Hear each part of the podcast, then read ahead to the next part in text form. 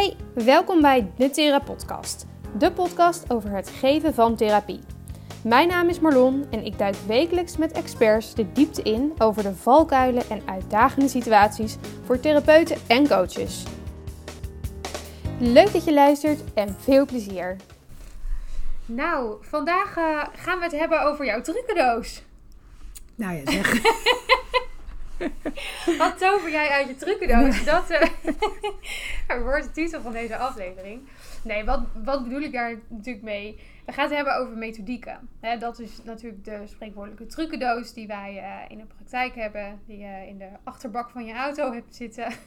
Inmiddels door alle huisverzoekjes. Ja, letterlijk. Ehm, en ehm, ja, daarbij, ik heb eerst een stelling voor je. Die schiet me nu gewoon uh, ineens te binnen. Ehm, je beste methodiek ben jezelf. Mooi, ja. Eens dus. Ben ik, ja, ben ik het wel mee eens. Ik denk ook, uh, wat veel mensen van mij weten, is dat ik eigenlijk overal altijd mijn eigen sausje overheen gooi. Mm -hmm. En ik denk ook niet dat je, uh, dat ik werk volgens een bepaalde methodiek. Maar dat ik uh, eigenlijk altijd bezig ben met wat, wat, wat is nu handig? Ja. Wat van wat ik in mijn trucendoos, uh, toverbox, weet ik noem het, heb zitten, kan ik nu het beste gebruiken? Wat past uh, bij deze vraag? Wat past bij deze cliënt? En uh, ja, daarmee denk ik dat de beste methode bij jezelf wel past. Ja. Grappig. Ja, want hoe doe je dat? Stel, er, je hebt een, een intakegesprek, kennismaking, hoe je het ook wil noemen. Mm -hmm. En je weet, er komt een meisje van 17. Um, heb jij dan al een aantal dingen in je hoofd? Heb je het al klaar liggen wat je wil gebruiken? Heb jij een soort vaste volgorde van uh, methodieken die, die je toch wel vaak inzet? Of uh, pak je dat anders aan? Nee, zeker bij een intake niet. Ik denk dat bij een intake je vooral heel erg bezig bent nog om te onderzoeken van wat is de vraag? Uh, wie, wie is deze persoon? Hè?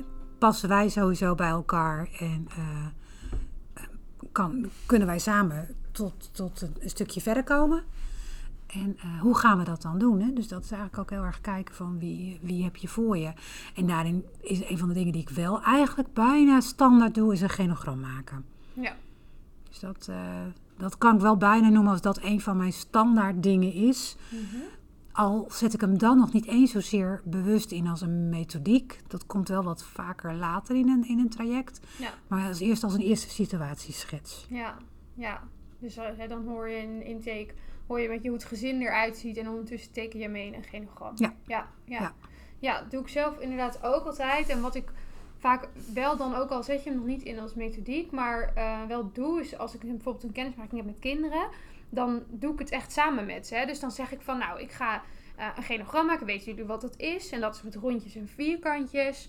Hè, en dan zijn de vierkantjes, dat zijn de jongens. En de rondjes zijn de meisjes. En dan uh, op die manier ga ik samen met ze ook het genogram maken. En dan zeg ik ook vaak van... Uh, nou, papa mama hebben drie kinderen. Wat zijn dat? Rondjes, vierkantjes, weet je zo. En dan roepen ze zelf al... Nee, dit is een rondje. Ja. Of, uh, en dan gaan ze er al, al in mee. Dat ze ook snappen heel erg wat ik aan het Ja. doen ben. Maar dat is wel grappig, want jij zegt dan, hè, je noemt het dan een, eh, methodiek. Mhm. Maar eigenlijk is het bijna een manier van contact maken. Weet Op dat je? moment Ja, jij? Ja, weet je, bouwt dan eigenlijk veel meer aan een relatie. Dus dan is Ja. het genogram niet zozeer de methodiek. Nee, Want dan is het genogram eigenlijk alleen maar een doel voor eh, een methode om contact te maken, om een relatie aan te gaan, om de kinderen regie te geven. Want zij kunnen meedoen, ze kunnen je verhaal doen. Weet je, dus dan gaat het niet eens zozeer zo specifiek om het doel van, van Nee. het genogram. Hè? Van wat nee wil je daar cavia's gaan tekenen. Nee, bij wijze van. Weet je, dus dat, dat vind ik wel grappig. Van, want hoe kijk je dan naar een methodiek? Ja, is dat een op zichzelf staand iets van, van daar moet ik informatie uithalen en nou ja, daarmee gaan we tot de oplossing komen? Of eh, is dit op dit moment een middel voor iets anders? ja, En hoe benoem je dat dan ook? En maak je dat dan ook transparant? Van wat gaan we nu doen? Hè? Want nou, zeker als we het dan even hebben over een genogram. Op het moment dat ik hem inzet, leg ik ook uit dat het heel erg gaat om eh, wisselen van perspectief. Ja. Om op een andere manier te gaan kijken. Het lijkt heel erg op een stamboom maken, maar ja, die kennen we ondertussen wel. En die is heel staccato. Maar hier kijken we heel erg naar de onderlinge relaties. En kijken vanuit, eh, nou ja, vanuit een andere generatieperspectief. eh, maakt dat dan dat je eigen beeldvorming verandert. Ja, En waardoor je, je je cliënt veel meer tot inzichten laat komen. En dat is dan natuurlijk heel anders als eh, nou, je je klant het verhaal laten vertellen en mee laten Ja, tekenen. ja. Ja dus dat is dan ook echt het verschil tussen een, een kennismakingsgesprek nog en wanneer je hem dus later in je traject echt bewust als methodiek inzet. Ja. Ja, dus een, ehm, eh, eigenlijk kan je een methodiek, dat kunnen we dan stellen, je kan een methodiek inzetten als methodiek. Of het is een eh, middel om een ander doel te bereiken. Ja, terwijl het ook om hetzelfde stukje gaat. Ja. Ehm, ik denk dat, want jij bent natuurlijk ook speltherapeut. Ja, Dat, Op eh, papier wel, ja. dat is altijd al een leuk onderwerp. Ik denk dat bij speltherapie dat natuurlijk ook zo is. Hè. Je kan eh, een, een kasteel inzetten als methodiek om daar iets uit te lezen. Maar ik kan ook in een kennismakingsgesprek met een kindje gewoon aan het spelen zijn en daarbij het kasteel gebruiken natuurlijk. Nee, Ja. dat, dat ben ik helemaal met je eens. Natuurlijk, en ik denk niks ten nadele van, eh, van de speltherapeuten onder ons. Maar het is een andere manier van kijken naar spel als dat ik hem bijvoorbeeld inzet. Mhm. Ik ben natuurlijk officieel wel speltherapeut eh, op papier, maar ben niet eh, eh, opgeleid als speltherapeut. Dat is niet een van mijn dingen. Maar ik gebruik spel heel erg om aan te sluiten bij de belevingswereld van een kind. Ja. Om kind te zijn met de kinderen. Ik ga letterlijk over de grond. en weer helemaal terug in mijn kindrol. En probeer op die moment, eh, manier aan te sluiten in het verhaal en de belevingswereld van kinderen. Door zelf mijn kind zijn weer in te zetten. En Ja. daardoor een maatje te worden. Ja, Waarin wij samen op avontuur gaan. En op zoek gaan naar oplossingen. ja, Naar zijn oplossingen. de strategie van een kind om om te gaan met eh, tegenslag of onbekende dingen. ja, Ik zeg altijd, van, weet je, als een kind zegt tegen mij, Ilja, ik wil een vogelhuisje maken. Dan gaan wij een vogelhuisje maken. Dat ik een pasklaar programma van internet kan draaien. Weet je, dat is helemaal niet interessant. nee. Wij gaan samen bedenken, wat hebben we daar dan voor nodig? Mhm. Wat zou dat kunnen zijn? Waar gaan we dat dan halen? Sla ik tien keer op mijn vingers, geweldig. Maar ik heb het wel geprobeerd. Ja, Weet je, dat kinderen mij gaan motiveren. Eh, dat is natuurlijk een hele andere manier van eh, spelen met kinderen als dat een speltherapeut dat doet. Waar je natuurlijk een hele methodische gedachte zit, bijvoorbeeld met eh, werken met zand, werken met synthesische materialen. Mhm. Dus dat, nou ja, ja methode en methodiek ja, zijn dat denk ik ook twee ja, interessante concepten dan Ja, ook. Hoe ja. zet je die naast elkaar? ja, dat is zo. En heb jij, ehm, laten we het dan hebben over jouw manier van, van speltherapie.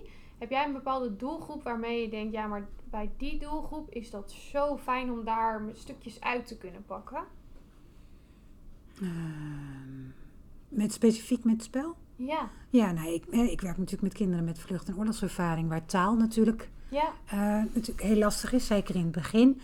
Waardoor leren spelen eh, al een doel op zich is. ja, Maar ook een manier om contact te maken en om een veilige ruimte te creëren.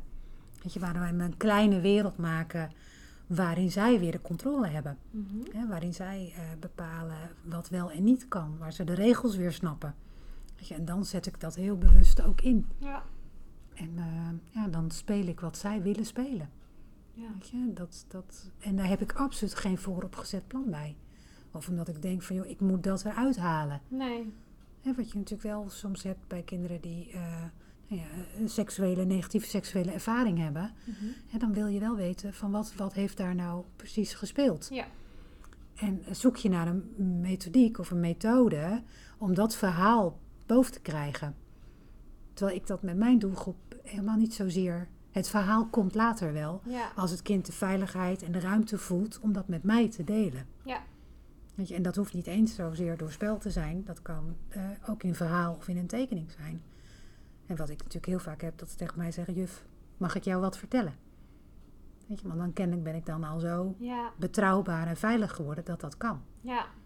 Ja, dus je bent heel erg eh, een, een maatje geworden op dat moment. En, en ze zijn veilig bij jou. En dan komt het vanzelf wel. Ja. Je bent niet op zoek. Je zet dus geen methode hè, weer in om een antwoord te zoeken. Nee. Of een verhaal te zoeken. Nee. Nee, ik, Nee. ik gebruik het in deze veel meer om een setting te creëren. Ja, dus dan Ja. is de methode weer een middel. Wat leidt tot, tot een ander doel voor Ja. jou op zo'n moment. Ja. Weet je, want hoe we erover zitten praten en dan denk ik, ja, weet je, doe, gebruik ik überhaupt een methodiek, hè? Ik denk het eigenlijk helemaal niet. ik denk niet dat ik me zo Niet bewust... een volledige methodiek Nee. van A tot Z die jij Nee. zo inzet. Nee, nee. Ik denk dat een van de weinige dingen... Ja, en dat is ook meer een eh, werkwijze. Ik weet eigenlijk niet eens, hoe zou jij het noemen? Jij bent zelf de ontwikkelaar natuurlijk daarvan. Mhm. Eh, van het mattenspel bijvoorbeeld. Ja, Hè, die, waar een heel duidelijke lijn staat van hoe je daarmee werkt. ja. Dus ik weet noem jij het een, een methodiek? Ja, ik, zeker. Ja, een, een mattenspel is absoluut een methodiek. En ehm, dat is wel een grappig voorbeeld ook meteen. Want dat mattenspel is stiekem. En ik weet natuurlijk dat jij altijd je, je eigen dingetjes inzet. En ehm, zeg dat ook wel altijd tijdens de opleiding van het mattenspel. Van weet je, je doe, uiteindelijk doe jij hoe jij het doet. Maar het matspel is stiekem wel een methodiek die je eigenlijk best wel moet doen zoals die bedacht is. Want wanneer je afwijkt, te veel afwijkt van de methodiek zoals die bedacht is, dan komen er geen betrouwbare resultaten uit. Het is echt een methodiek. En als jij hem op een andere manier wil inzetten, dus stel jij wil het matspel inzetten om een veilige setting te creëren en om iets te doen met een kind, dan kan dat. Dan kan je hem doen zoals je wil. Ja. Maar wil jij bijvoorbeeld met het mattenspel een analyse doen achteraf, hè, eh, en wil je er iets uit kunnen lezen, daar kom je dan weer op, dan zul je de methodiek moeten doen zoals die bedacht is. Want anders krijg je geen betrouwbare analyse. Nee, nee dus precies. dat is dan echt een overweging op welke manier zet ik hem in. Nee, en dat is natuurlijk uiteindelijk, wat is het doel? Ja. Hè, waar werk je naartoe? Eh, Of ga je, hè, kijk je naar het doel of kijk je naar het proces? Ja, Weet je, en ik denk dat voor mij, en zeker in relatie tot, tot mijn cliënten, het proces veel interessanter is. En wat ontdekt de cliënt gaandeweg? ja, En waar eh, is hij naar zoekend? Eh, en wat wil hij van zichzelf ontdekken? Of waar wil hij zelf mee aan de gang? Of wat wil hij zelf leren? Veel belangrijker is dan uiteindelijk het doel. ja. Ja, en, en ik, het terwijl we hierover praten, denk ik ook dat verschilt denk ik ook heel erg per, ehm, per soort traject dat je hebt. Hè? Want ik kan me inderdaad voorstellen bij therapie of in, eh, bij een eh, ehm, op betaalschool en bij jouw cliënten dat, dat je dat op die manier kan doen. Terwijl als je bijvoorbeeld als bijzonder curator een opdracht hebt of een kindbehartigerstraject waarbij je een adviesverslag moet schrijven na, nou ja, ik noem maar wat, drie of vijf bijeenkomsten, dan, dan moet je ook naar iets toewerken wat je op papier kan zetten. Dus dan ben je eigenlijk ook al wel een beetje gedwongen om je methodieken toch op een andere manier in te zetten. Ja, maar ik denk ook dat je daar een mooi verschil maakt van in de functie ook. Ja, en waar zit dan het fu- functieverschil met een therapeut? ja, Waarin eh, veel meer de cliënt leidend is en waarin je als kindbehartiger of bijzonder curator, oké, werkt met een opdracht. ja, Weet je, en dat je dus inderdaad ook resultaat eh, moet neerzetten. Terwijl ik denk, voor ons is ehm, dat wat de cliënt ervaart, is eigenlijk al het resultaat. Weet je, als het, eh, de cliënt vooruitgang bemerkt of stappen kan maken of zich prettig voelt of ja, Weet je, dan, dan, daar zit dan je resultaat. Terwijl we van tevoren natuurlijk hele grote doelen kunnen bedenken. ja. Maar moet je daar ook altijd per se uitkomen? Ja. ja, soms moet je wel, omdat het hè, nou eenmaal de opdracht is waar je aan moet voldoen. Eh, maar of je dat uiteindelijk altijd moet willen, hè, bijvoorbeeld kan je misschien niet beter kiezen voor een ander traject? Ja, dat is dan wel een mooie vraag. Ja. Ja, af. Dus daarin zit van, hé, van welke methodiek pak je dan? ja, Hè, Van om, om iets te bewerkstelligen. Of zet je hem heel bewust in om te kijken van nou, komen we stukjes verder en we gaan eens onderzoeken van wat past bij jou. Ja. Wat vind je fijn? Weet je, en dat is natuurlijk bij ons ook, eh, of bij mij in ieder geval. Ik, het kan natuurlijk, ik weet eigenlijk nooit waar een cliënt mee binnenkomt. nee, Weet je, hoe is de week geweest? Waar wil je mee in de gang? En eigenlijk op basis van het verhaal eh, waar iemand mee binnenkomt, ja, zet, je, zet ik iets in. Ja. Of het nou het hartmodel is, of het genogram, of nou ja, noem maar op. eh, Ja. Wandelstukjes, hulpvraagmethodes. Ja, trek het maar uit de kast. ja. Ja, en, maar kijk, we hebben natuurlijk eh, een, super grote kast bomvol met methodieken. En ehm, ja, dat is misschien ook wel een beetje. Je hebt, misschien heb jij wel een beetje een methodieke tik, denk ik. Ook al zet je ze dan toch weer niet in, maar je koopt ze allemaal. Er komt iets op de markt en jij eh, hebt het al in je winkelmandje.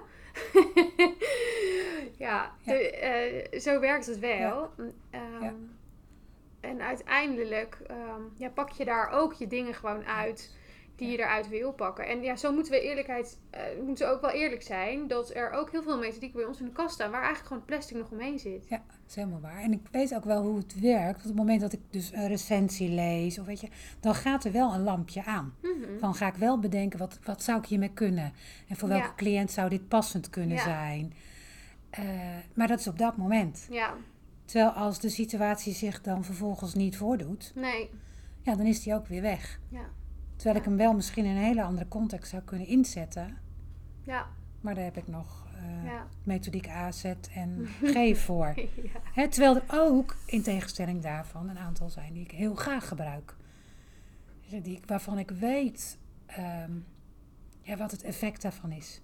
Dat het effect zich meerdere keren heeft bewezen. Ja, En dat ik denk van ja, weet je, dit, moet, dit moeten we doen. ja, Dit is, ah, weet je, dat is gemiste kansen als we die niet inzetten. ja. Nu. Heb je, heb je iets in gedachten wat je...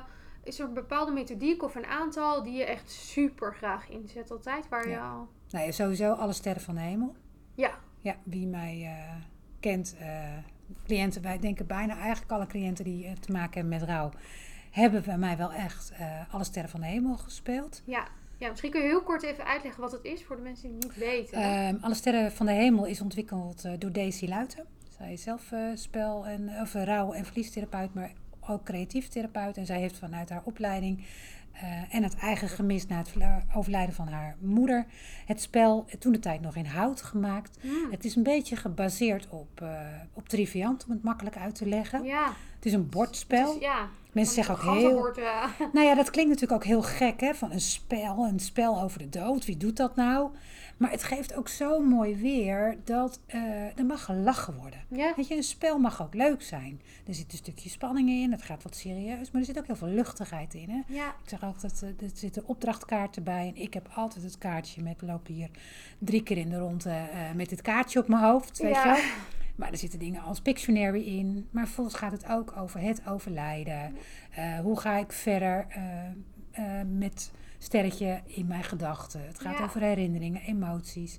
Maar ook over het gezin vind ik vaak ook heel mooi. Hè? Van hoe, dan vraag bijvoorbeeld, vind je dat jullie als gezin genoeg tijd met elkaar besteden of zo? Nou, dat vind ik zo'n mooie vraag. Ja. Als je dat dan eh, als gezin ook met elkaar Ja. speelt. Precies. Nou, en dat is mooi, hè? Als mijn gezin met elkaar. Want Ja. het is een mooi spel wat je individueel kan spelen. Ja, En dan speel ik zelf mee. Dus dan zet ik mezelf ook in als ervaringsdeskundige. Dus je kan dan, maak er ook meteen een leerstukje van, een leerrendement in. Waarin je ja, veel context geeft, maar ook eh, van, ja, hè, zo ging ik ermee om. En hoe is dat voor jou? En als ik het als gezin speel, dan ben ik de spelleider. ja. En dan doe ik niet speel, ik speel ik niet mee. Aha. Maar zorg ik voor de beurtverdelingen, dat iedereen goed aan bod komt. En dat er dus een gesprek ontstaat binnen een gezin, wat heel vaak niet meer aan bod komt. Ja, Ja. Weet je, dat is goud. Ja. Ja. Ja. en eh, ja, eens in de zoveel tijd komt er zo'n pareltje op de markt. Ja. Ja. en die moet ik hebben. Ja. Absoluut. Ja. ja, dus we hebben alle sterren van de hemel. Wat, nou ja, misschien wel onze favoriete methode is om in te zetten als het gaat om eh rouw bij overlijden. Ja. Ja. Ja, zeker. En verder?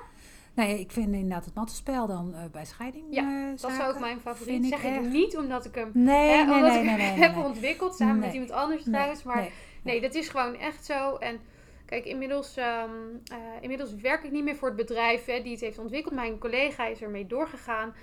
Maar samen hebben wij echt ruim 200 mensen opgeleid. We hebben nog nooit één negatieve reactie gekregen. Gemiddeld echt afgerond een 9 als beoordeling. En iedereen die het heeft gedaan bijna zegt... ik, ik kan gewoon niet meer zonder. Bij elke intakegesprek zet ik het in. Dus, dus ehm, zonder dat ik daar zelf... eh, Ja, klein beetje, klein. Klein beetje wel. Het is ook gewoon een fantastisch spel. Dat heb ik Ja. heel goed gedaan. Maar nee, het is, ehm, dat is echt voor scheiden wel een, ja, onze favoriete Precies. methodiek. En wat ik zeg, hè, want ik, ik, ik doe niet zo heel veel meer met scheiden. En ik gooi overal mijn eigen sausje overheen. Zelfs het mattenspel ehm, doe ik op mijn manier. Alleen omdat ik het al fijn vind dat het een non-verbale methode is. Ja, En zeker met kinderen geeft dat gewoon heel veel inzicht in hoe zien zij de wereld. en jij doet hem op de taalschool ook Zelfs, veel, hè? ja, ik zet hem ook zelfs in, in, voor kinderen om hun vluchtverhaal te vertellen. Ja. En hoe zij eh, hun eh, nou ja, afstand zien tot, tot familieleden die er niet meer, werkelijk letterlijk niet meer in hun leven zijn. Mhm. En soms aan de andere kant van de wereld zijn. Hè, hoe, hoe, hoe ervaren zij die afstand, nabijheid daarin? Ja, weet je, daar kan je zulke andere mooie Ja. dingen weer mee doen. Ja. Ehm, weet je, natuurlijk raakt dat natuurlijk ook een beetje aan allerlei opstellingsmethodes. Ja. Het geeft ook aan hoe positioneer je jezelf, waar zie je jezelf staan in relatie tot anderen. Ehm, alleen is dit do- door de vormgeving en de plaatjes maakt het het zeker met kinderen veel, veel meer eh, spreekt het tot de belevingswereld als dat ik eh, kussentjes neerleg Ja. in de kamer. Het kan allemaal, Ja. Ja. weet je, maar dit, dit werkt gewoon heel fijn. Ja. En kinderen snappen ook meteen wat de bedoeling is. Ja. Ja, dat klopt. Dat is eh, Ja. En volwassenen ook. Ja. Weet je, die die Ja. zien dat ook eh, heel veel mooie dingen erin. Dus die, die eh, zeker, die gebruik ik heel graag. Ehm, wat ik verder gewoon zelf heel fijn vind om te doen, is eh, lichaamsgericht. eh, ehm, de sociaal vaardigheidstrainingen, rots en water bijvoorbeeld. Mhm. En voor de kleintjes dan de kiezel en druppel. Ja. En waar je ook toch wel heel erg, ehm, nou zeker in rouwzaken, soms even letterlijk weer eh, iemand op zijn poten kan zetten. Weet Ja. je, die stevigheid geven, weer terug op je basis. Van kom op, weet je, ehm, geef maar weer even een beetje stevigheid Ja. en wat regie terug. En het zijn hele kleine onderdelen daaruit. Maar ja, het, weet je, het gaat toch heel vaak weer over van wat past bij deze, bij deze persoon. Ja. Weet je, waar is deze weer een stapje mee verder? Of wat heeft hij op dit moment nodig? Ja. Wat is helpend? En wat heb ik dan in die trucendoos? Wat daaruit eh, zou kunnen helpen? Weet je wat misschien nog wel mijn, mijn favoriete eh, element is uit mijn trucendoos? Stiften en papier. Nou, is goed. A3 papier. Ja. En stiften. De, ik kan van alles hebben klaar liggen. Hè, want dat natuurlijk voordat een, eh, een cliënt komt. Soms bijvoorbeeld cliënten die ik al heel erg lang zie. Nou, meer dan een half jaar of zo. Dan denk ik wel eens van tevoren. Goh, wat zou ik vandaag eens gaan doen met ze? Dat ik een aantal dingetjes in mijn gedachten heb. Denk dit kan mogelijk interessant zijn. En in mijn gedachten leg ik dat dan klaar. En eh 9 van de 10 keer komt mijn cliënt binnen. En eh, gaan we totaal wat anders doen. Omdat Ja. het het vraagt. Ehm, maar ja, ik merk dat ik toch meestal eh, met, met stiften en papier aan de slag ga. Ja. En soms doe je dan misschien wel dingen die je eigenlijk met kaartjes ook doet. Maar doordat je dan zelf en samen met je cliënt daarmee bezig bent. ehm, hè, en ze ook zelf laten schrijven, zeker bijvoorbeeld met pubers. eh, ja, die kan je achterover laten hangen in de stoel. En je kan allerlei kaartjes en, en spellen en dingen tevoorschijn toveren. Maar je kan ze Ja. ook zelf soms aan het werk zetten en hè, dingen op een groot papier laten schrijven. Ja, het is misschien nog wel echt mijn favoriete.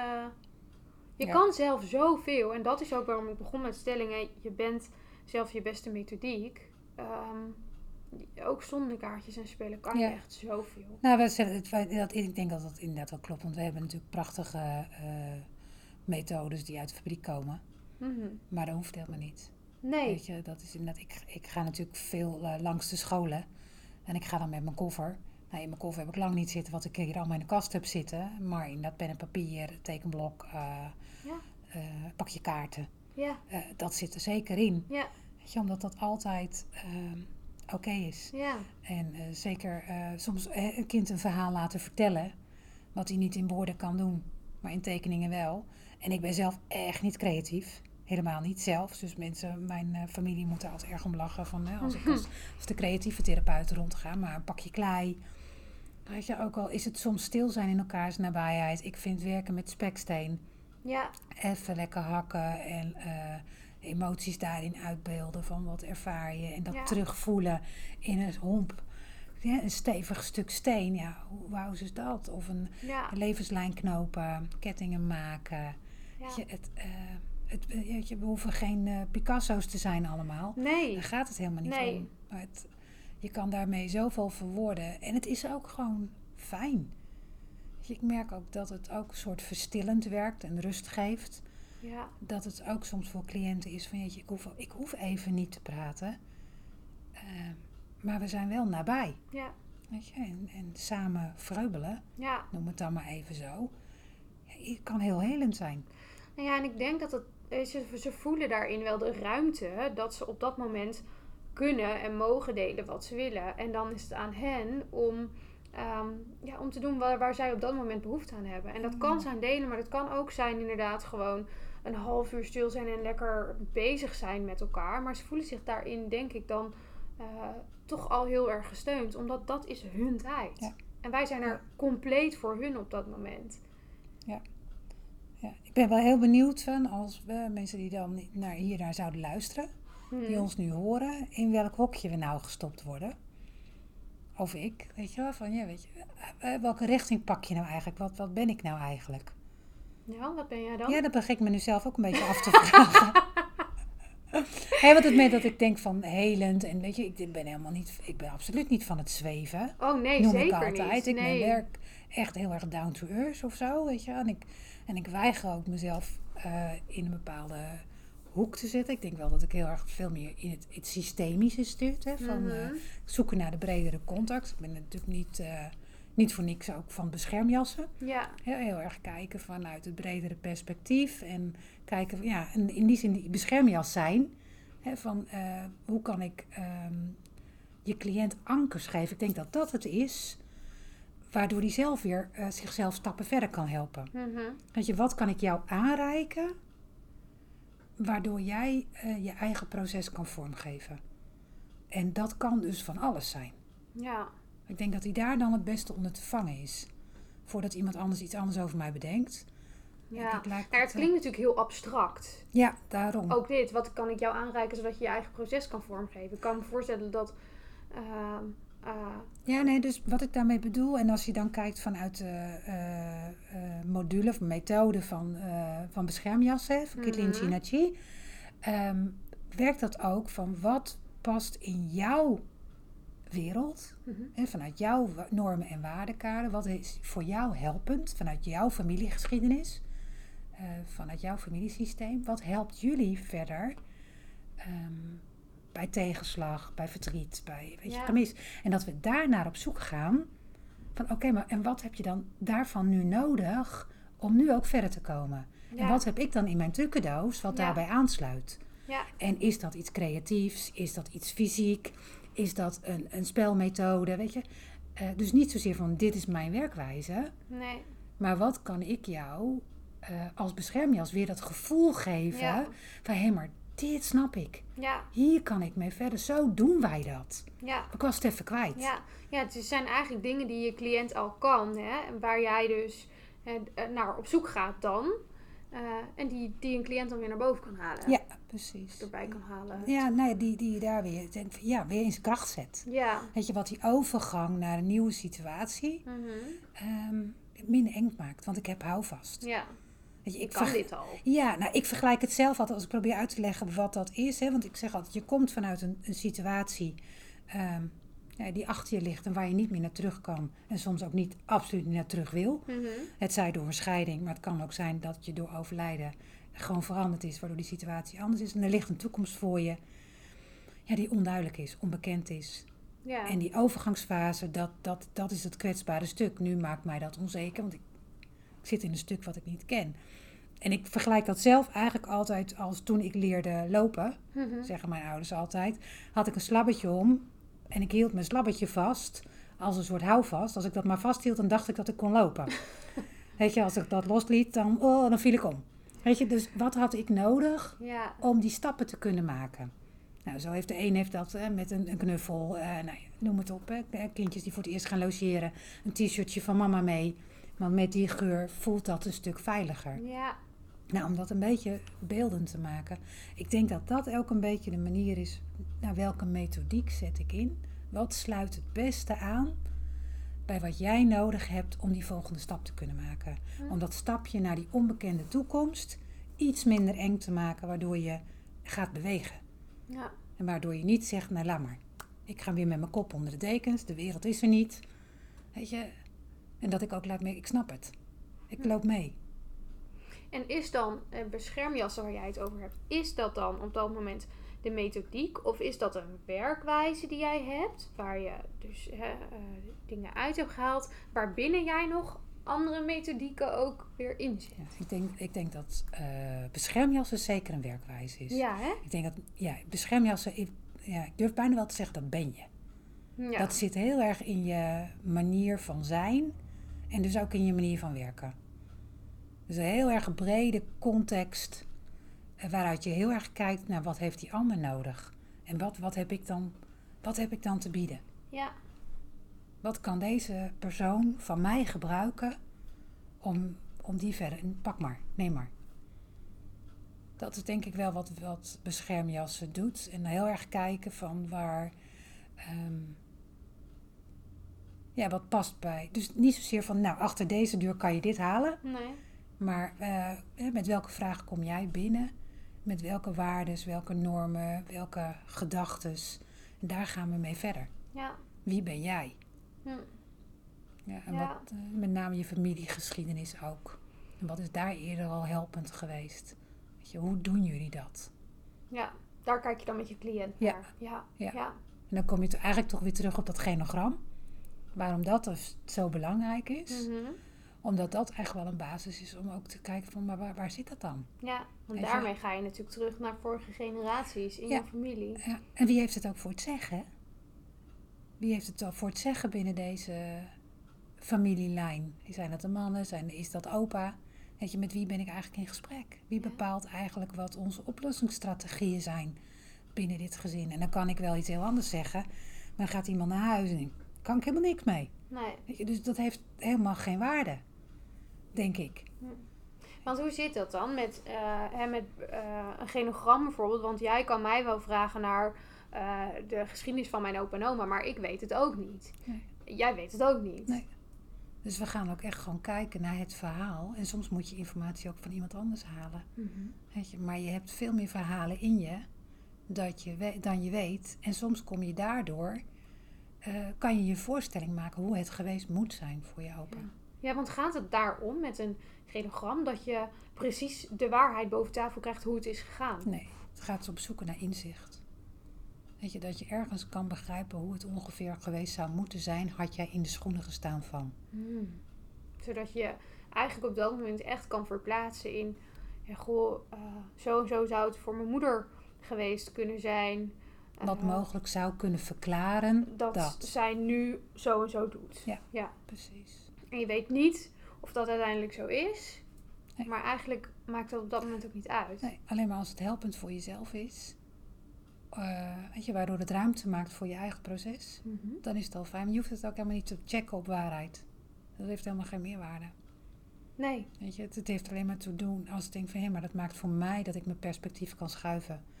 Of dat ik er opnieuw naar kan kijken, naar dat waar ik, wat ik te doen heb. Ja.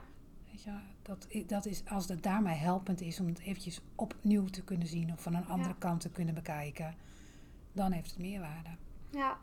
Ja, het, het, het heeft mij wel heel erg geholpen. Het genogram hebben wij natuurlijk ook samen gedaan. En eh, we zijn nog lang niet klaar. eh, als je een grote familie hebt. Maar het heeft mij meteen al wel geholpen dat ik, ehm, dat ik kon zien van dat het. Ja, hoe, wat is het juiste woord ervoor? Dat ik wat milder kon zijn. Hè, naar, naar familieleden dat je denkt: oh ja, ja, god, het zou voor diegene wel eens zo en zo geweest kunnen zijn. Ja. En het maakt eigenlijk niet uit of dat dan echt zo is. Ik voel ook niet de behoefte om dat te gaan checken. Ehm, maar het maakt me wel milder. Ja, en dat is natuurlijk wat mensen vaak vragen. Hè? Van, ja, moet, ik het, moet ik het dan vergeven? Nee, Nee. weet je, maar het gaat soms wel dat je beter kan bevatten waarom Ja. iemand doet wat hij doet. Ja, En dat kunnen nog hele rottige dingen zijn. Hè? Ja. Eh, je, dat maakt de actie niet goed. Maar dat kan soms wel zeggen van oké, maar ik snap wel waar het vandaan komt. ja. Weet je, en daarin die mildheid in jezelf, ja, die is dan al helpend. Nou, heel, ja. Weet je, en, denk, en, en dat is dan uiteindelijk waar het om gaat. En wat heb jij dan nodig om weer verder te kunnen? Ja, Weet je, denk je, weet je, je kunt blijven volharden en vasthouden eh, en dus niet bewegen. mhm, Maar wie heeft daar uiteindelijk het meeste last van? ja. Dus alles waarin helpen. Hè? Op het moment dat jij natuurlijk de stap maakt naar een therapie, zeg je eigenlijk, ik wil het anders. Ja. Dit wil ik in ieder geval niet meer. Nee, Weet je, en wat is er dan voor nodig? Zodat er dan beweging gaat komen. ja. Ja, dan moet die ander veranderen natuurlijk, hè. Ja, dat zou leuk zijn. ja, ja. Ja, degene waar, waar je Ja. problemen mee hebt, die moet veranderen. En dan hoef je Ja. niet meer naar therapie. ja, nou, dan zit de verkeerde bij mij aan tafel dan in dat geval. Weet je, ik, ja, dat, dat wordt hem dan niet. Nee, nee, nee. Weet je, en dat zijn wel inderdaad gewoon. eh, ja, dan is, het, dan is het dus wel heel helpend om gewoon veel kennis te hebben van verschillende methodes en methodieken. Ook omdat soms cliënten zelf met dingen komen. hè, Van ik heb daarover gehoord, Ja. ik vind dat fijn. Dat je daar ook iets van kan vinden. Ja. Of dat ik ook gewoon eh, kan zeggen, ja weet je, dat is niet mijn ding. Nee. Dan, dan, dan, ja, weet je, dan moet je niet bij mij zijn. Maar dan weet ik iemand anders voor die daar heel goed in is of die daar heel goed mee kan werken. Of ik had wel zeggen, nou laten we het samen onderzoeken. In sommige gevallen kan dat natuurlijk, hè? Ja, zeker. Nou, ik merk dat we over methodiek echt nog eh, wel een uur kunnen praten, denk ik. Want ik heb er ook er komen zoveel dingen in mijn hoofd op. Uh, maar we zitten gewoon echt al op 35 minuten. Dus ik denk dat het goed is om Ja. eh, het voor deze keer af te ronden. En eh, ik, ik weet zeker dat we hier nog meerdere eh, ja, afleveringen over kunnen gaan opnemen. Nou, zeker. Misschien ook wel eh, ges- opgesplitst in methodiek voor scheiding of in specifieke gevallen. Ehm, Maar ik denk ook dat er heel veel andere mensen zijn die hier ook heel veel mooie dingen over kunnen zeggen. Ja. Die wat gespecialiseerder zijn misschien wel ja, dan dat ik dat ben. ja, vast. Ja. Nou, dankjewel weer. Graag gedaan. Leuk. Laat je weten wat je van de aflevering vond. Je kunt me bereiken op @marlondijkhuizen op Instagram.